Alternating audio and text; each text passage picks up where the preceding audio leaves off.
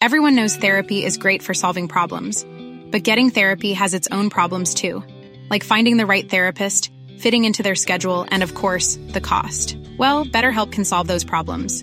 It's totally online and built around your schedule. It's surprisingly affordable too. Connect with a credentialed therapist by phone, video, or online chat, all from the comfort of your home.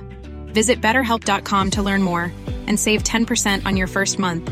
That's BetterHelp H E L P. Coping in Copenhagen, Coping in Copenhagen, Coping in Copenhagen, Coping in Copenhagen. This is a podcast about hanging out in Copenhagen. Hello and welcome to the Six Show podcast, Coping in Copenhagen. My name is Owen and my co-host Marius is self-isolating. Uh, this is a podcast that looks at life in Denmark and Copenhagen, and we talk about Scandinavia sometimes and the Nordic region sometimes, and uh, and we talk about lots of things. But this is the news roundup. So this is the episode where we look at news that has been in the headlines and tabloids uh, that we thought would be interesting to bring to you and have a conversation about it. But of course, Marius isn't here, so the conversation is going to be with me and a microphone and you guys on the other end. Uh, let's jump straight into the important stuff. Uh, it is the 10th of December, Friday. Uh, at time of at the time of recording, which means new restrictions have come into place.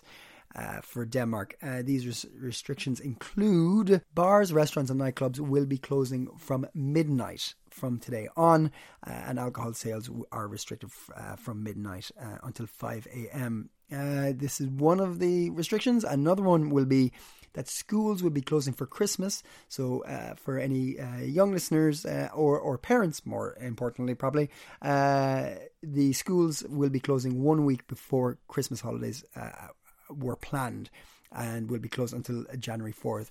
I presume this is to uh, mitigate the possibility of um, people becoming infected before visiting. Uh, maybe elderly members of the family. Concerts will be limited to 50 people standing. Uh, an additional face mask will be required. Face mask will be required in uh, restaurants, bars, and cafes when you are not seated. Uh, another important thing to uh, note here is that there is a reduction uh, in the uh, validity of the uh, COVID 19 pass. Uh, so in Denmark, the COVID 19 pass uh, had been valid for 12 months. It is now brought down to seven months. So, so for fully vaccinated people after second dose, or those who have received the booster. Okay, so from 12 months to seven months. and if you're wondering why these restrictions are coming in, here's an example of why uh, in the last 24 hours uh, there has been 6,599 new infections in Denmark. Uh, uh, this is the fifth day in a row that the number of infections has been over 6,000. So uh, things are a little bit tough for old Mette Frederiksen, but it's not just because of COVID. Uh, well, okay, it's connected to COVID, but uh, she's had a tough time this week. She was in court uh, defending the uh, culling of the mink the great culling of the mink. Uh, Mette was in uh, in court, and she was kind of standing up for the decision for the culling. Um, she was saying that she, uh, she, had assessed the decision and decided it was best for the uh, public health and for the uh, world's view on Denmark that she take action. But with regards to legality of the decision, she has put the fault of this firmly on the, the, at the feet of Ministry of Food, Agriculture and Fisheries, saying that she had not been informed uh, with regards to the legality. She had made the decision. She had made the announcement um, on this uh, the the fourth of November, and she didn't receive any information about the legalities until the eighth of November. This is uh, 2020, November 2020. Uh, and this it wasn't just in court. She was getting, um, she was having a tough time. Also, also outside Cork, uh, she was met by quite a lot of protest. Uh, this, of course, was from uh, mink farmers, but also from people uh, who were mm, questioning the uh, vaccines, let's say, and also uh, people who were questioning lockdown, the um, men in black, so-called men in black uh, protesters. So, uh, and I believe her vehicle was also also damaged during the protests. So, getting a little bit serious for her there. Uh, but she's not the only prime minister to have a difficult time at the moment. Uh, talking about Nordic news, Uh, the Finnish uh, Prime Minister, the Prime Minister of Finland, uh, Sanna Marina, 36 year old uh, Finnish Prime Minister, is in a bit of trouble this week because she went clubbing last Saturday. Uh, everybody each their own for clubbing, but she had just been in close contact with a, uh, a COVID positive person. A minister in her government had been tested positive, and she claimed that she had not been uh, recommended to self isolate uh, after this before she went clubbing. And then she got a message saying she should go self isolate. Uh, but uh, people are saying probably not a great idea to go clubbing uh, if you're near anyone who's sick. So she, she's dealing with that. But speaking of water, uh, so she's in a bit of hot water. And speaking of hot water, there's more nautical news now for Denmark. Uh, there is a, a, Danish naval vessel that has been um, stationed off the coast of West Africa. Uh, this is the Esbern Snare and it has been sent there uh, to deter piracy.